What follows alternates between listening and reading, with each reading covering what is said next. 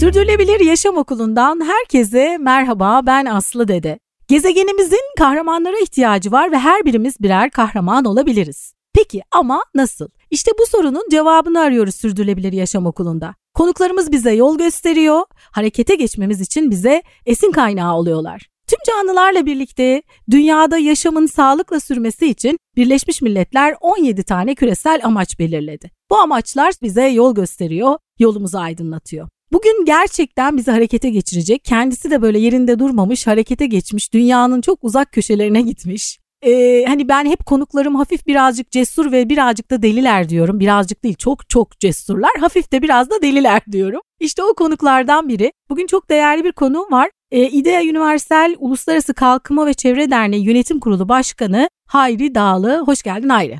Hoş bulduk. Çok teşekkürler. Ben senin deliliğini ilk nasıl gördüm? E, TRT belgeselde e, bir belgesel izledim ve izlemeye başladım.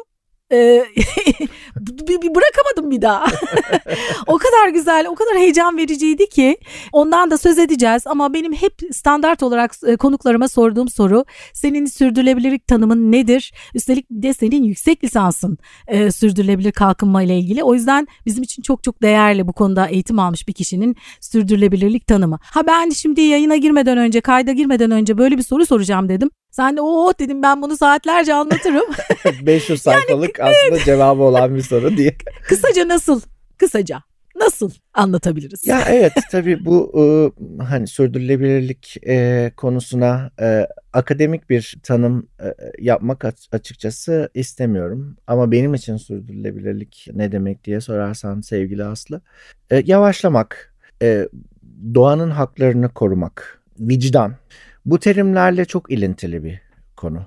Vicdan neden sürdürülebilirlik konusuyla çok ilintili?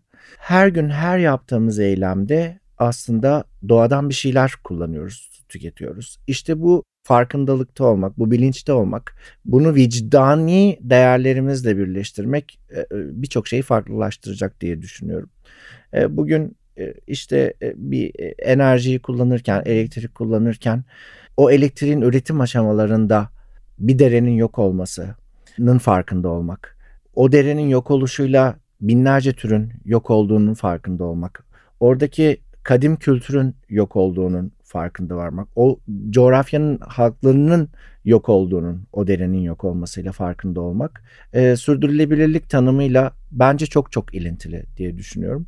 Bu anlamda bakıp yavaşlamak, yaşamı yavaşlatmak e, aslında o bir anlamda da hızlandırmak da anlamına geliyor. Benim tanımlarım böyle diyebilirim. Evet.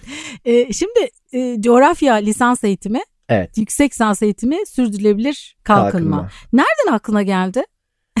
coğrafya e, açıkçası benim e, ortaokuldan itibaren hayalimdi. Dünyayı anlamak, gezegeni anlamak, e, keşfetmek. O e, çocuk ruhundaki e, keşif merakı lisede, ortaokulda devam etti ve coğrafya ile bunun bütünleştirebileceğimi düşündüm. Ve e, hayalimin bir parçası olarak coğrafya bölümüne, e, coğrafya öğretmenliği bölümüne kaydoldum. E, ve de bu da çok da aslında tam da istediğim bir noktaya getirdi. Coğrafya dediğimizde hem iklimi hem toprağı hem bitkiyi hem insanı hem e, yakınımızı hem uzağımızı bütüncül bir şekilde anlamlandıran bir bilim dalı. E, o coğrafya işte bilgisi sonrasında benim dünyanın bambaşka uzak yerlerine gidip oraları keşfetmemi, oralarda küçük de olsa bir fayda yaratmama da bir altlık oluşturdu. Çünkü temel o doğa bilgisi e, gerçekten çok çok kıymetli oluyor sürdürülebilir kalkınma projelerinde. E, dolayısıyla sonrasında da bu coğrafya bilgisini sürdürülebilir kalkınmayla birleştirip yüksek lisansımı da İsveç'te bunun üzerine e, gerçekleştirdim. E, bu da bana daha akademik, daha analitik bir bakış açısı geliştirdi. E, iyi bir kombinasyon olduğunu çok, düşünüyorum. Çok iyi bir kombinasyon. Ben yani duyunca e, çok etkilendim açıkçası. Evet her günde hem e, İdea Üniversal'in projelerinde kullandığımız bilgileri e, bana sağladı hem e, daha bütüncül bir bakış açısı dünyaya bakarken daha bütüncül bir e, katman sağladı diye düşünüyorum. E, bu yüksek lisansın tarihi ne zaman? 2010 yılında hı hı. ben lisanstan mezun oldum. 2011-2012 yılında da yüksek lisans. Bayağı çok uzun bir zaman önce. Evet, evet. Aslında Kimse sürdürülebilirlik kavram... konuşmazken değil mi? Bu çok önemli bir şey. Yani böyle vizyoner olmak çok değerli aslında. Tabii birazcık aslında dünyada e, sürdürülebilirlik kavramı çok çok e, yani 60'lara kadar dayanıyor. Gündemimize son yıllarda Türkiye'de daha fazla oturdu. Bizim de zaten hani kadim öğretilerimizde olan bir kavram. Sürdürülebilirlik adıyla değil ama baktığımızda bir önceki jenerasyonumuza işte anneannelerimize annemize o sürdürülebilirlik kavramının küçük küçük pratiklerini aslında her gün gördük küçüklüğümüzde falan. Maalesef onun üzeri birazcık örtüldü. O işte örtülen örtü bizim daha fazla tüketmemizi, daha fazla kullan kullanırken düşünmememizi öyle bir ortam oluşturdu. Şimdi birazcık onun örtüyü kaldırıp o işte büyüklerimizin o pratiklerine daha dikkatli göz atmamız gerekiyor ve oradan alabileceğimiz çok çok şey var. Bunu fark ettim. O yüzden benim e, anneannem mesela çok e, hani büyük dedem büyük bir rehberimdir. Oradaki o pratikleri e, tekrar hayata geçirip kullanmayı tercih ediyorum. Yani bir işte e, kıyafetim eskidiğinde ya da işte e, ayakkabım e, yırtıldığında yenisini atıp yenisini almak yerine onları tamir ettirmeyi tercih ediyorum. E, bu da tabii vicdanla bir taraftan da alakalı. Bir şeyi kullanıp attığımızda o arkasındaki bütün emeğe de emeği de yok ed- ediyoruz aslında. O eme- tamamını da kullanıp atıyoruz. Dolayısıyla o belki tişörtün o üretim aşamalarında işte belki çocuk işçiliği var. Çok büyük emekler var, bilgi var. İşte doğadan kullanılan malzemeler var ve daha da ötesi doğayı kirleten oradaki boyalar, işte diğer kimyasallar doğayı kirleten maddeler. Bu farkındalığa e, birazcık erişmeye çalışıyorum. Her gün yeni şeyler öğreniyorum yaşamımda. Evet ben de Hayri bu programı yapmaya başladığım zaman o kadar çok anneannemi dile getiriyorum ondan örnekler veriyorum ki yani günün birinde böyle bir şey olacağı hiç aklıma gelmezdi. Çünkü biz ona gülerdik biraz da hafiften kızardık yani niye böyle yapıyor falan diye. Evet. Şimdi ne kadar doğru yani aslında tabii onunla birlikte büyümüş olmam yakın büyümüş olmam da benim için çok büyük artıymış diye düşünüyorum. Şimdi e, şeye gelelim İdea Universal'e gelelim.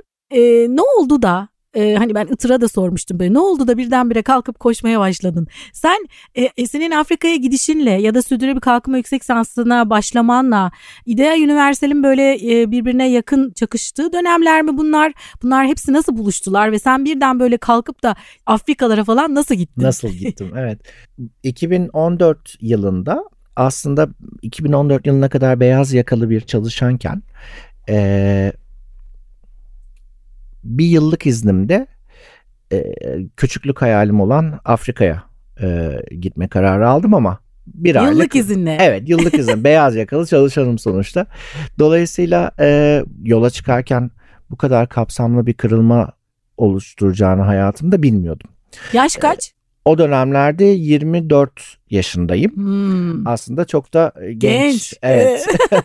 Biraz o gençliğin de enerjisinden olsa gerek e, Kilimanjaro Dağı'na tırmanmak için Kuzey Tanzanya'ya e, Serengeti e, işte coğrafyasını biraz keşfetmeye gittim. E, bir aylık bir yıllık izinde e, işte böyle bayram tatiliyle birleşmişti. Ve köylerde dolaşmaya başladım Kilimanjaro tırmanışından sonra. Köyün bir tanesinde çocuklar e, yerde oturuyorlar. Bir tane kara tahta var. Açık havada muz ağaçları var. Ve e, beklerken çocukları gördüğümde şunu sordum. Siz neyi bekliyorsunuz burada? Öğretmenimiz hasta 15 gündür gelmiyor ama biz bir gün öğretmen çıkar gelir diye her gün geliyoruz ve bu yerde oturup kara tahtanın önünde bekliyoruz. Orası köyün okulu. Ve ben e, dedim ki benimle etkinlikler yapmak ister misiniz? Çok seviniriz dediler. Ben orada işte biraz coğrafya bilgisi, biraz doğa bilgisi elimden geldiğince anlatmaya başladım. Öğretmenlik yaptın yani. Öğretmenlik yaptım. Evet. Bekliyorlarmış ya geldi öğretmen. Evet. Ve sonrasında köydeki çocuk kız çocuklarının özellikle Derse yeterince katılmadığını, o etkinliklere yeterince katılmadığını fark ettim. Nedenine bir sormak istedim. Kız çocukları köye su taşıyorlar. Öyle, kız çocuklarına veriliyor genelde Afrika'da su taşıma görevi. Ve e, köyün su kaynağı 6 kilometre uzakta. Saatlerce kız çocukları su taşıyorlar. E, ve e, Fatima isimli bir kız çocuğuyla o su yolculuğuna katıldım. Bana gösterir misiniz diye. Köy çok yoksul bir köy. E, çocukların terlik almaya parası yok. E, günde bir öğünle besleniyor çocuklar. O da bir mısır lapasıyla. Aslında beslenme değil. Sadece e, işte e, midelerine bir şey girmiş oluyor. E, tabii bu da çocukların sağlıklarına çok yansıyor. Hani beslenemediklerini direkt baktığınızda çocukların anlayabiliyorsunuz. Fatima ile e, saatlerce yürüdük ve su kaynağına gittik. Timsahların yaşadığı bir e, çamur birikintisi ve köy bu suyu içiyor. Başka bir imkanı olmadığı için. O içerisinde bakterilerin, parazitlerin olduğu, işte virüslerin olduğu suyu almak için, ona bile ulaşmak için saatlerce yürümek zorunda kalıyorlar. Bu beni çok derinden etkiledi.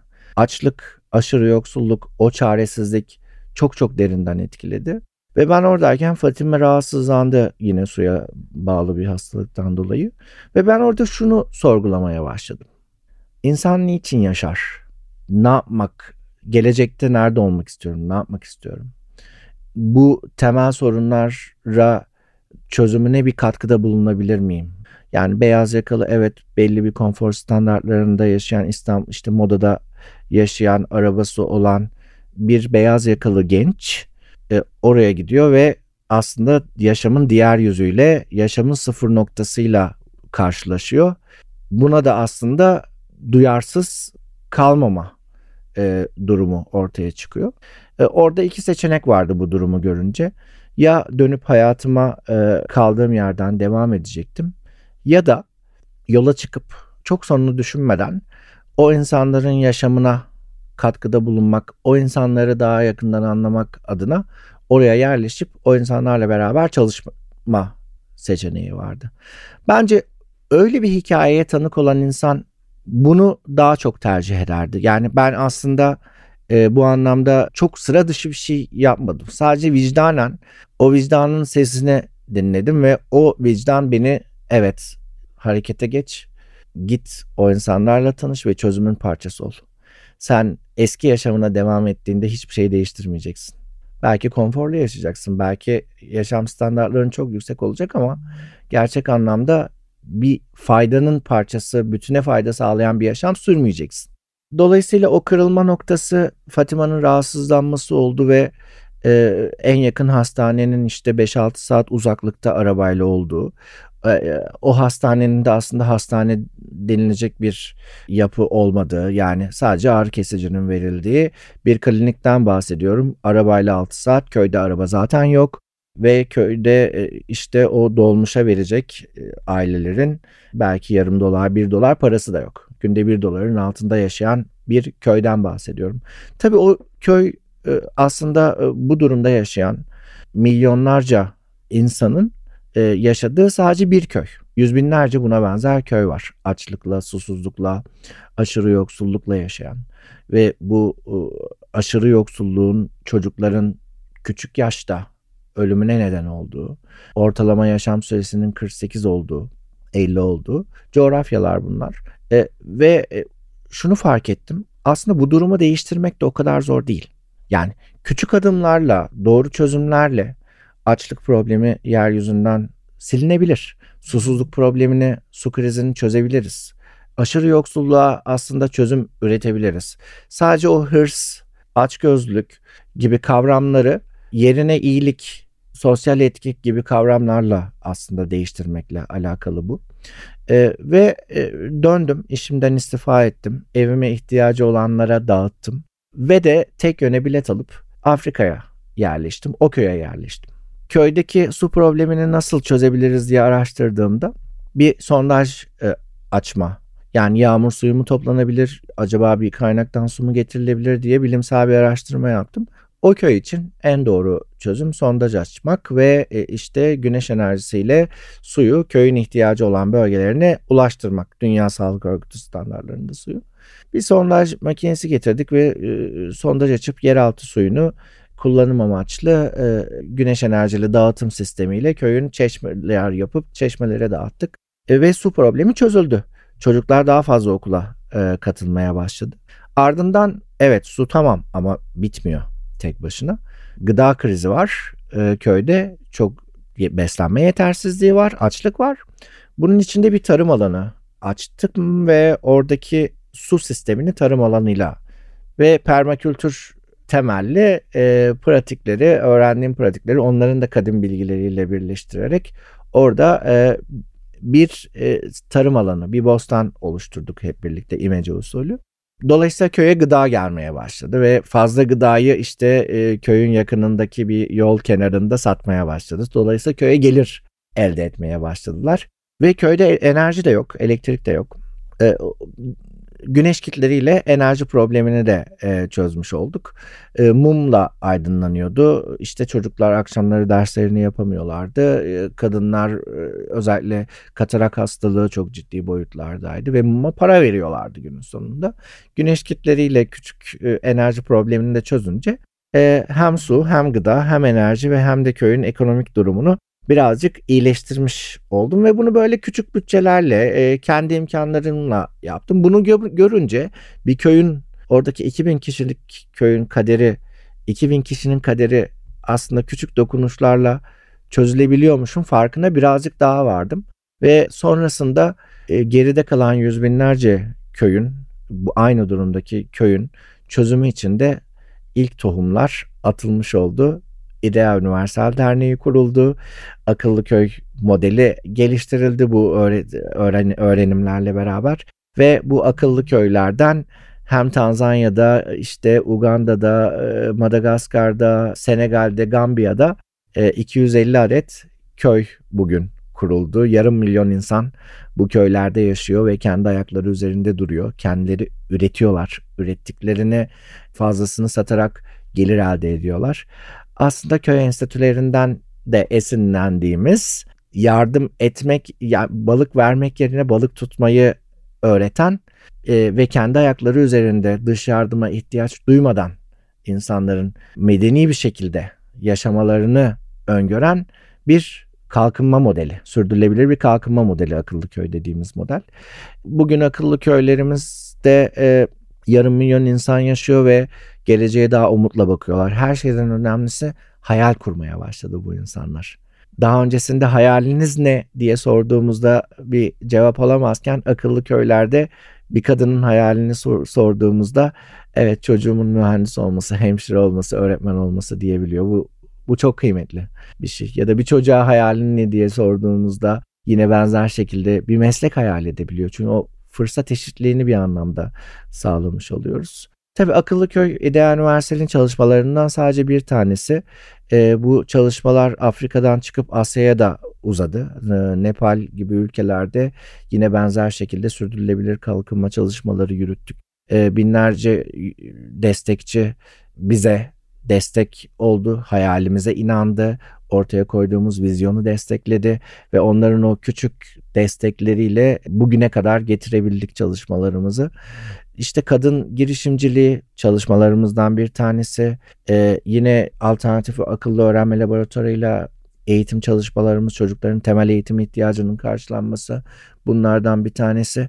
İşte bu küresel sorunlara birazcık inovasyonu kullanarak, biraz yeni fikirleri ve teknolojiyi kullanarak bir çözüm getirmeye çalışıyoruz. İdea Universal ismi de oradan geliyor zaten.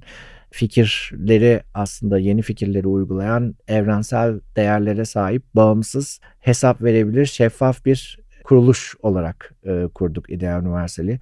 Tamamen işte siyasi siyasetten uzak, tamamen işte e, evrensel değerlerle yaptığı işleri yapan, bilimi aklı ortaya koyan bir kuruluş. Bunu da şimdi e, gelecek nesillere taşımak istiyoruz bu felsefeyi İdeal Üniversite'yle beraber. Yıl kaç kuruluş yılı derneğin? Derneğin ilk e, birkaç yıl e, Volunteer Universal adıyla başladı. 2017'de de Ideal Universal adını aldı. Ideal Universal Türkiye'de 2017 yılında Dernekler Müdürlüğü'ne bağlı olarak çalışmaya başladı. Ama öncesinde de yine e, Volunteer Universal adıyla sahada çalışmalarını yürütüyordu. Ama yine de yani çok kısa bir sürede çok büyük hani kısa zamanda büyük işler başarmışsınız. Şimdi e, e, kaynaklar e, nasıl sağlanıyor aslında? Hani e, kolay da değil. Bir onu soracağım. Bir de mutlaka şey diyen olmuştur. Türkiye'nin bir sürü sorunu var. Sen ne kalktın da gittin Afrika'dakilerle uğraşıyorsun diye. Gerçi oradaki sistem şu an e, deprem bölgesinde oraya da geleceğiz sonrasında. Onu ayrıca konuşmak istiyorum. Evet. Belki bu podcast yetmez. Bir, bir sonraki podcast'te deprem bölgesindeki çalışmaları konuşuruz. E, evet. E, çünkü burada çok güzel bir kaynak var. Kaynak gelmişken çok da bırakmak istemiyorum. e, yani kaynakları nereden buluyorsunuz? Bu arada bizim Sürdürülebilir Yaşam Okulu podcast'lerin içerisinde sanırım baktık kayda girmeden önce 10 ya da 11. podcast'te aslında size destek olmuş bir doktorun Milas'tan bir doktorla biz podcast kaydı almıştık. Ee, biraz böyle onunla da bağlantılayarak hani hem kaynakları hem bağışçıları hem destekçileri belki konuşalım. Ee, bir de neden Afrika? evet neden Afrika? Öyküsünü anlattınız gerçi esin kaynağınız değil mi? Evet yola çıkışımız e, e, derdimiz açlık, susuzluk ve aşırı yoksulluk e, olduğu için aslında doğal olarak bizi Afrika'ya götürdü. Çünkü her 5 saniyede bir çocuğu suya bağlı hastalıklardan dolayı kaybediyoruz. E, nüfusun %60'ı Afrika'da günde 1 doların altında yaşıyor. Bu yetersiz beslenme, açlık çok ciddi problemler. Yola çıkışımız biraz bu dertlerimizle ilintili olduğu için bizi doğal olarak Afrika'ya götürdü. Ancak yıllardır Türkiye içinde de çalışmalarımız var. Kırsal kalkınma adına deprem döneminde de yine bu çalışmalarımızın e, ritmini artırdık. Aslında bizim bakış açımız uzak yakın yani sınırlar bir şekilde koyulmuş ama bu sınırların ötesinde düşünüyoruz. Covid-19 bize şunu gösterdi. E, Çin'in bir kasabasında çıkan bir salgın bütün bütün dünyayı etkileyebiliyor. Aslında birbirimizden o kadar da uzak değiliz. Dolayısıyla Oradaki çocuk da bizim çocuğumuz. O suya erişemeyen, susuzluktan dolayı, ya dolayı yaşamını yitiren çocuk da bizim çocuğumuz. Okula gidemeyen işte çocuk da e, Tanzanya'daki bir çocuk da bizim çocuğumuz. Hakkari'deki çocuk da bizim çocuğumuz.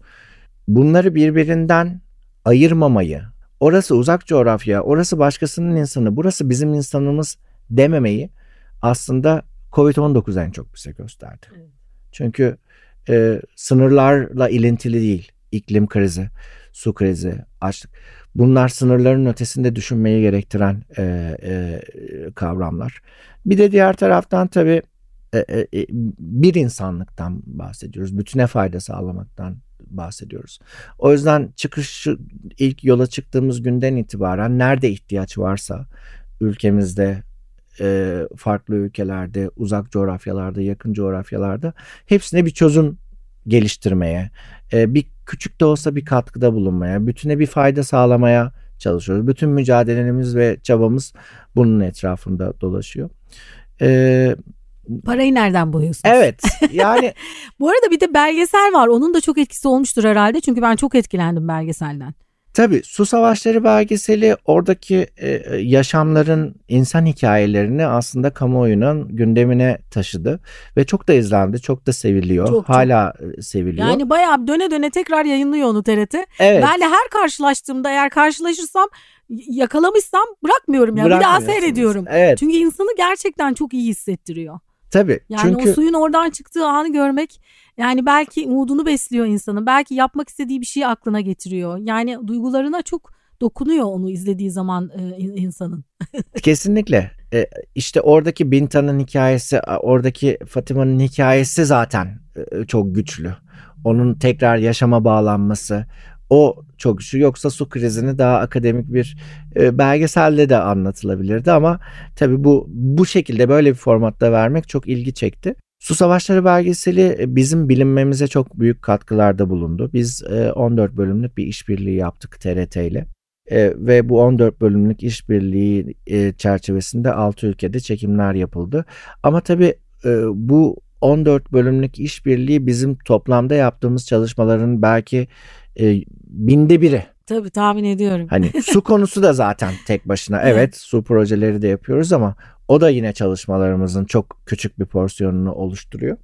Ama çok etkili oldu. Ee, hani bu bağlamda da birçok bağışçı bizi oradan duydu. Ama onun dışında e, bugün e, 100 binin üzerinde bağışçısı olan bir e, kuruluşuz. 100 binin üzerinde insan bize, hayallerimize, yaptıklarımıza inandı ve e, bu kadar aslında bilgi kirliliğinin olduğu bir ortamda güven eksikliğinin kuruluşlara açıkçası güven eksikliği e, söz konusu. Bu sadece Türkiye'de değil tüm dünyadaki işte farklı Birleşmiş Milletler toplantılarında da bunlar konuşuluyor. Kurumlara güven oldukça düşük. İnsanlar kurumların yaptıkları çalışmalara inanmıyorlar ya da verdikleri işte o desteğin doğru kullanıldığına inanmıyorlar. Biz şunu yaptık farklı olarak. Dedik ki e, ister 10 TL verin, ister 100 TL, ister 10 bin TL bağış yapın küresel problemlerin çözümü için siz de bunun parçası olmak istediğinizde biz bunun karşılığında size o 10 TL ile 100 TL ile ne yapıldığını söylüyoruz. Yani bir harita sistemi kurduk sitemize ve harita sistemiyle sizin verdiğiniz 10 TL bağışın hangi köye gittiğini fotoğraflarla, tabelalarla, videolarla, koordinatlarla göstermeye başladık. Şeffaflık e, ve hesap verebilirlik ilkemizin gereği olarak bunu yaptık. Ve e, bu da insanlar Aa, ben 10 TL verdim belki küçük bir para ama bu kuruluş beni ciddiye alıp geri dönüp benim 10 TL 10 TL ile ne yapıldığını anlattı. Rapor verdi bana deyip ben daha fazlasını yapayım o zaman. Ben arkadaşlarımı da harekete geçireyim. Aa demek ki e, şeffaf olabiliyormuş bir kuruluş. Samimi olabiliyormuş bir kuruluş. Bunu gördüler. Bence başarımızın en önemli e, e, nedenlerinden bir tanesi de bu. Bir de samimiyet, adanmışlık görüyor insanlar. Yani evet e, bir ekip adanmış şekilde çalışıyor ama bunu yaparken de bilimi de kullanıyor, aklı da kullanıyor. Kalıcı işler yapıyor bu. Yani yardım. Götürüp bir şey dağıtmıyorlar mesela. To, işte gıda dağıtmıyorlar, tohum bankası kuruyor bu gençler.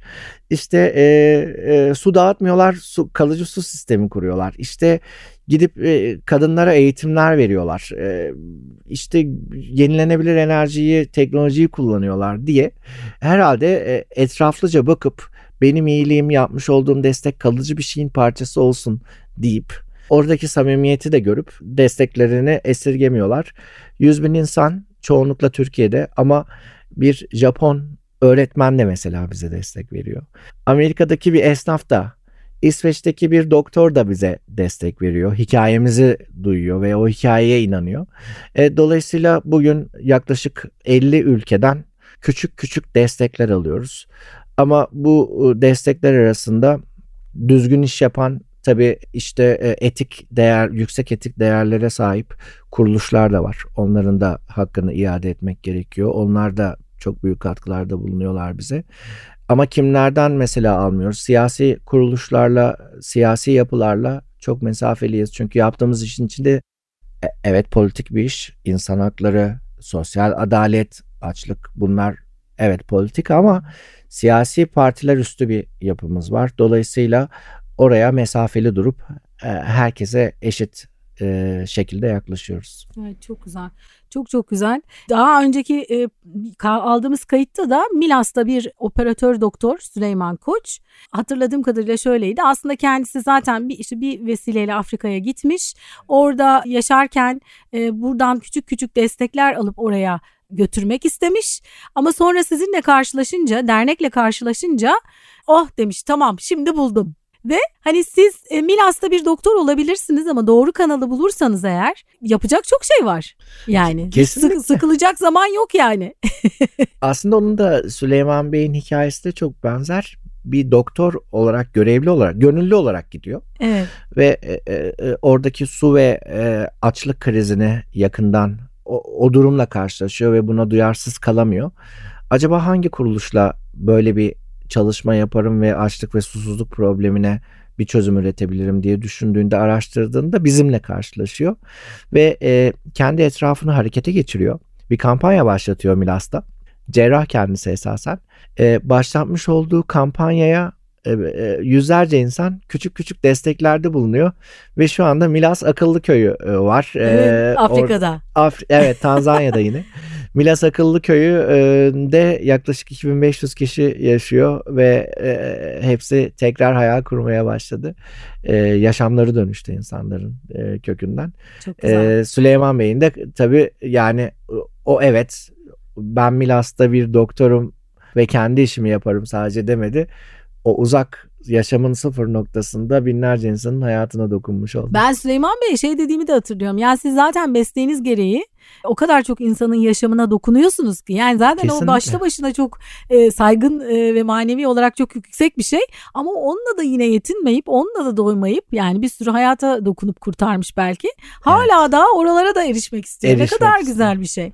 Evet şimdi aslında web sitesinde de çok güzel, çok temiz, gayet güzel an- anlatıyorsunuz, açıklıyorsunuz. Gerçekten çok güzel bir web siteniz var. Teşekkür ederiz. Orada da görüyorum ki temiz su, sürdürülebilir tarım, yenilenebilir enerji, alternatif eğitim, temel Dört yaptığınız alan- şeyler alanınız. alanımız. Ve aslında bunlar da zaten yaşam için gerekli olan en temel dört şey değil mi? evet bu dört alan e, tesadüfen e, belirlenmiş alanlar değil. E, bu dört kritik ihtiyaç karşılanmadığında bir ötesini düşünmeniz mümkün değil. Yani e, temiz suya erişmeden, gıdaya e, erişmeden, eğitim ve işte enerjiye erişmeden e, bir e, coğrafyada herhangi bir kalkınma ya da herhangi bir şekilde diğer alanların gelişmesini bekleyemezsiniz. Örnek vereceğim. En gelişmiş hastaneyi yapabilirsiniz bir yere.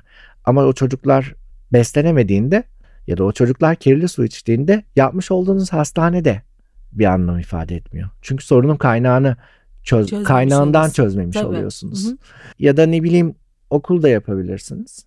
Ee, ama o çocuklar e, işte e, e, kız çocukları adet dönemlerinde okula gelmediğinde dolayısıyla eğitim de aksamış oluyor ya da e, su taşıma yolculuklarında saatlerce her gün kız çocukları vakit geçirdiklerinde kadınlar yine benzer şekilde yapılan okulun da katılım da e, eksik kalıyor.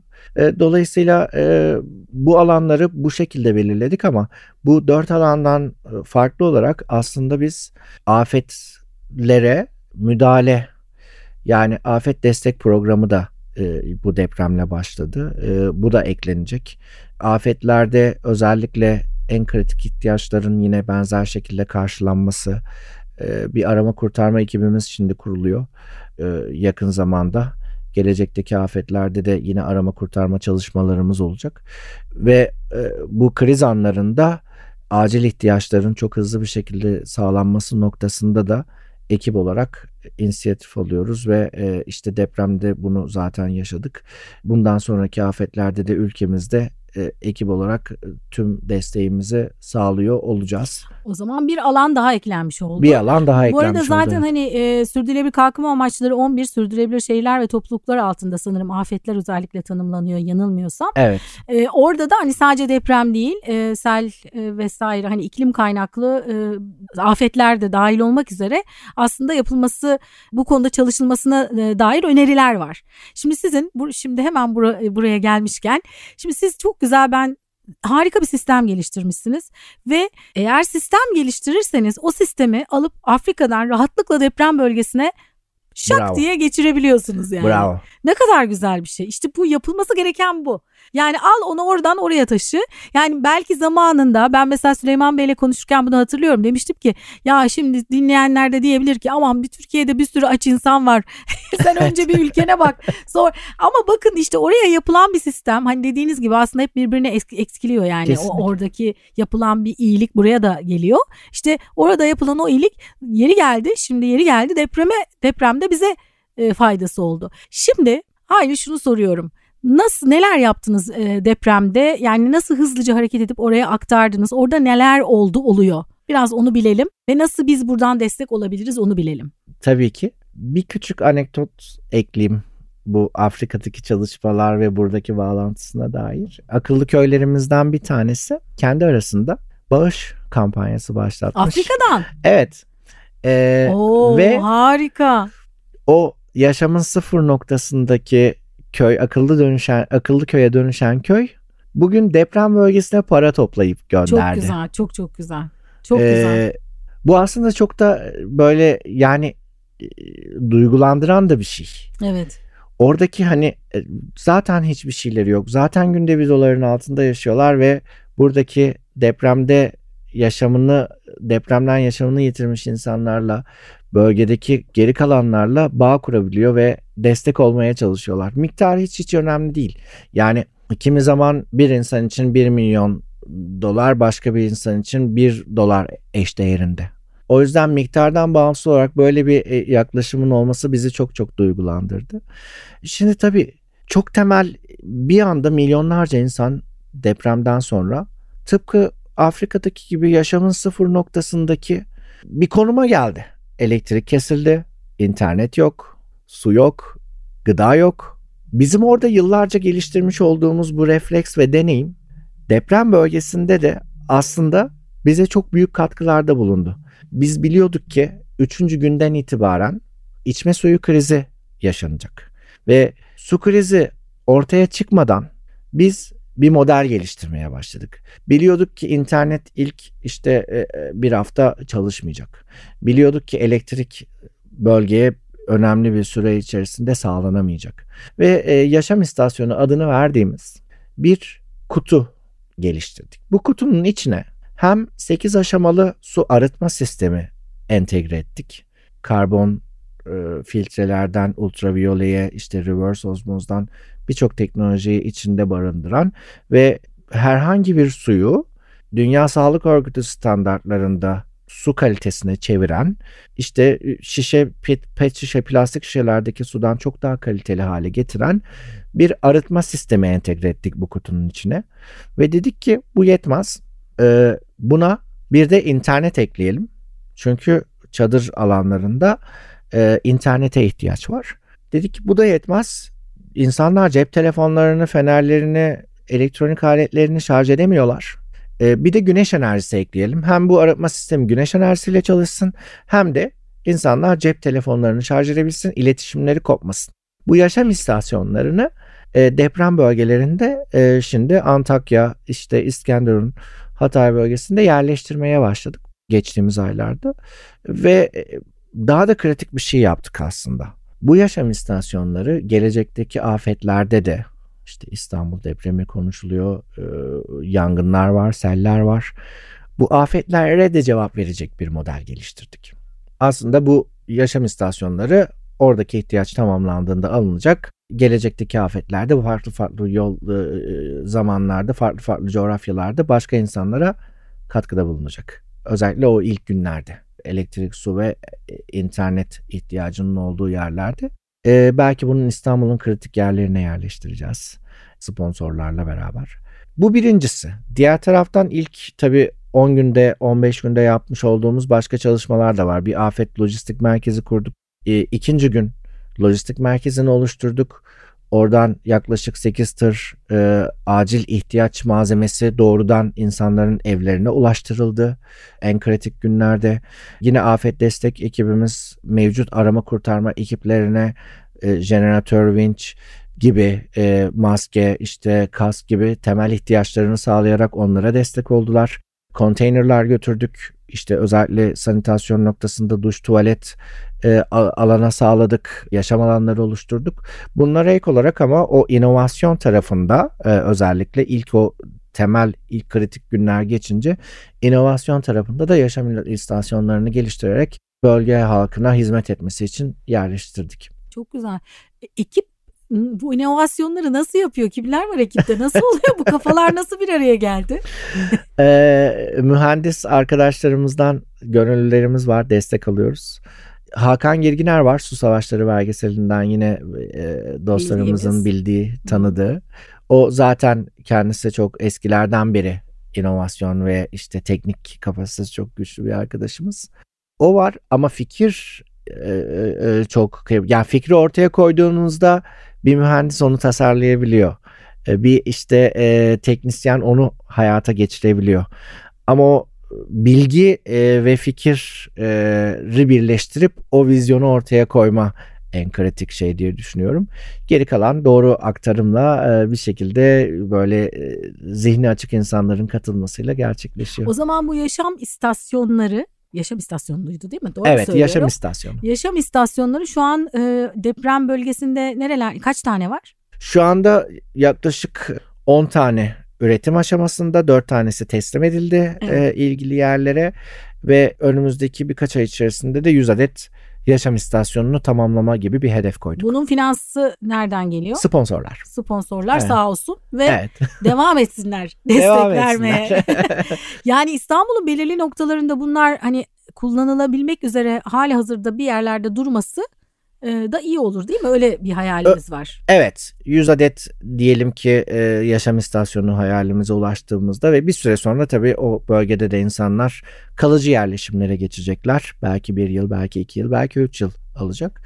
Oradaki süreç tamamlandığında bu yaşam istasyonları nerede deprem olursa ya da bir afet gerçekleşirse orada kullanılmak üzere hazırda bulundur. Anladım bir yerde duracaklar. Bir orada. yerde duracaklar ve muhtemelen farklı farklı şehirlere de bunları dağıtabiliriz. Daha hızlı hareket etmek açısından. Ve bir gün başımıza herhangi bir şekilde bir afet, bir kriz meydana geldiğinde de e, orada sorunları çözecekler. Onların ama afetten etkilenmeyecek bir, böl- bir yerde tutulması, Tutulması lazım. gerekiyor. Bu bizim gündemimizde bakımlarının doğru yapılması evet, gerekiyor. Diğer evet, bir konu. tabii. Yani çalışmadıklarında tabii ki düzenli şekilde bakımlarının yapılması kritik bir öneme sahip. Ee, kriz kriz çıktıktan sonra yönetilmiyor. Krizi krizden önce doğru planlamayla, doğru simülasyonlarla e, yönetebiliyoruz. Zaten işte deprem bölgesinde de bu e, acı tecrübeyi e, yaşamış Gördük, olduk, evet. gördük. Evet. Ee, ama çok şanslıyız ki sizin gibi sivil toplum kuruluşları var. Gerçekten çok değerli. Bunu e, pandemi pandemi dedim. Tabii pandemi deprem artık birbirine karıştı. E, deprem döneminde özellikle gördük. E, yani sivil toplum kuruluşlarının organizasyonlarının ne kadar önemli, onların hazır olmasının, organize olmasının e, ne kadar önemli olduğunu bir kez daha anladık. E, her şeyi de devletten beklememek lazım. Kesinlikle. Tabii kesinlikle. devletin de rolü çok önemli. Ama biz hep diyoruz ki siz de birey olarak şikayet etmekten vazgeçin. Biraz hareket halinde olun. Üretin yani. Değil mi? Tabii her herkes e, bir fark yaratabilir. Ee, ve o yarattığı fark da küçük değildir. Küçük görünebilir ama o küçük farklar birleştiğinde çok büyük etkiler yaratıyor. Yani depremde Türkiye'nin her tarafından gönüllüler, insanlar yola çıktılar. Kimisi yardımları götürmek için yola çıktı. Kimisi ben gönüllü olacağım dedi yola çıktı. Ve bu yüz binlerce insan bir araya geldiğinde o yaraları biz sarmaya başladık. Bir kurum, bir kişi mucizevi bir dokunuşla sorunları çözemeyecek. Biz de küçüğüz. Ee, bizim yarattığımız etki de aslında minimal bir etki. Ama e, bizim gibi kuruluşlar, e, gönüllü örgütlenmeler bir araya geldiğinde toplamda ciddi büyük oluyoruz işte. Toplamda gerçekten katkıda bulunabiliyoruz ve toplamımızın dönüştürme yetisi var.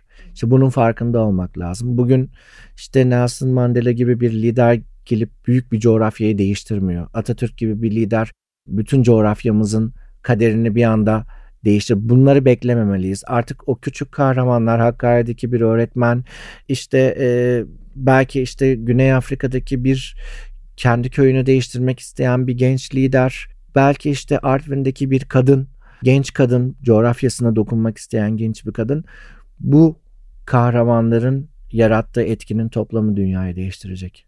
Tek bir kişi gelip dünyayı değiştirmeyecek. Ne kadar güzel, ne kadar güzel. Hep bizim söylediğimiz şeyler bunlar.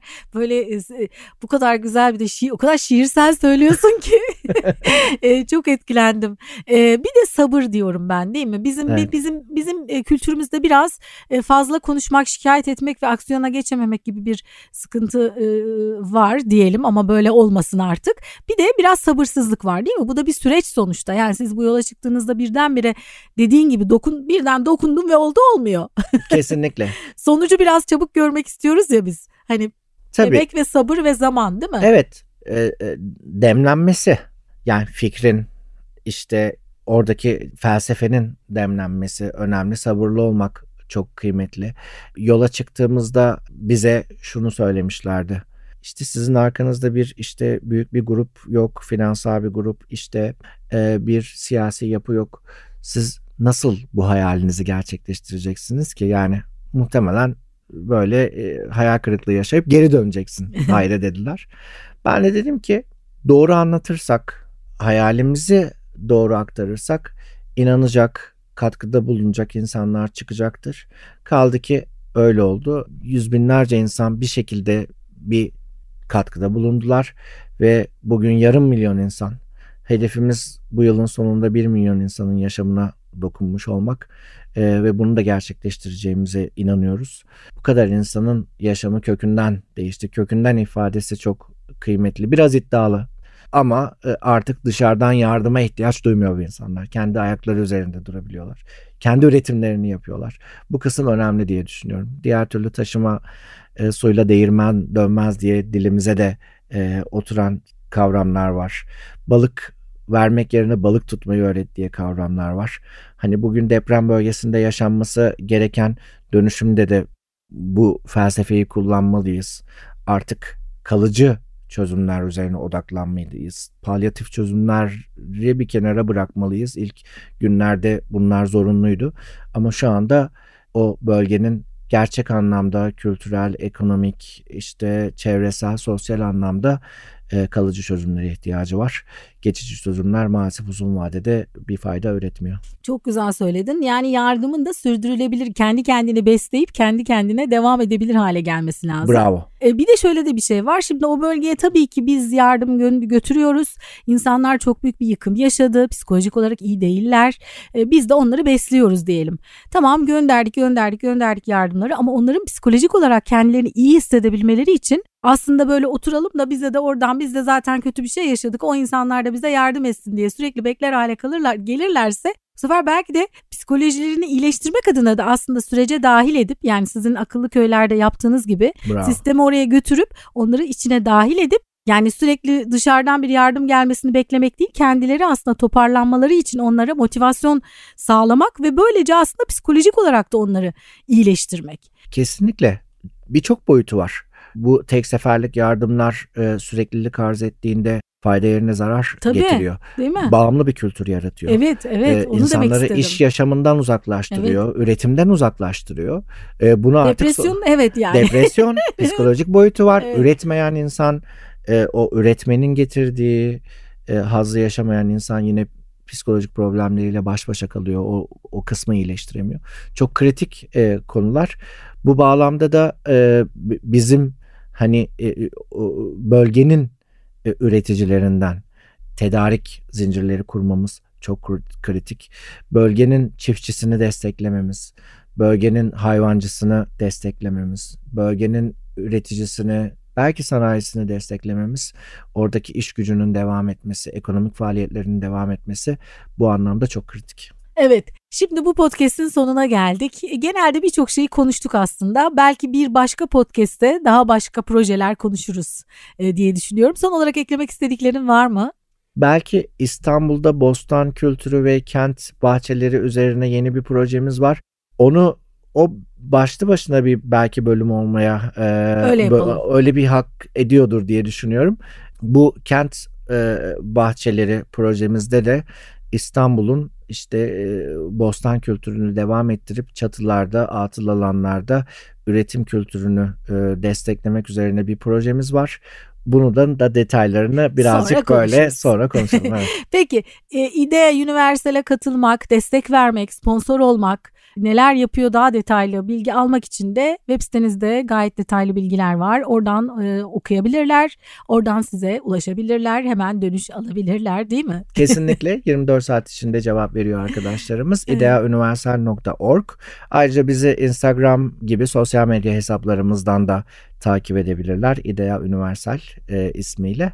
Bu şekilde. Evet bir bölümün daha sonuna geldik. Ben çok merakla heyecanla beklediğim bir konuğumla buluştum bugün. çok çok mutlu oldum. Ayağına sağlık. İyi ki geldin. Çünkü hep de. Türkiye'de değilsin. Geziyorsun sürekli. Yakalamak biraz zor oldu. Online yapabilirdik ama istemedim yani. Şöyle bir karşı karşıya stüdyoda bir araya gelelim istedim. Umarım bundan sonra daha sık bir araya gelme olanağımız olur. Türkiye'ye geldiğin zaman aralarda bir kapımızı çalarsan seviniriz. Mutlaka yapacağım. Çok keyifli bir sohbet oldu. Evet. Çok besleyici, derinleştirici bir sohbet oldu. Umarım ilham olmuştur bir takım e, dostlarımıza da. Beraber daha güzel işler, çok işler yapacağız gibi Olmuştur olmuştur. Bence kesin olmuştur. Evet. Evet bir bölümün daha sonuna geldik. Bize nasıl ulaşabilirsiniz? Sosyal medyadan Sürdürülebilir Yaşam Okulu yazarak ya da sürdürülebiliryaşamokulu.com adresinden bize ulaşmanız mümkün. Ben Aslı Dede bir sonraki bölümde buluşmak üzere demeden önce başta ne söylemiştik? Tüm canlılarla birlikte dünyada yaşamın sağlıkla sürmesi için gezegenimizin kahramanlara ihtiyacı var ve o kahraman sen olabilirsin. Harekete geç.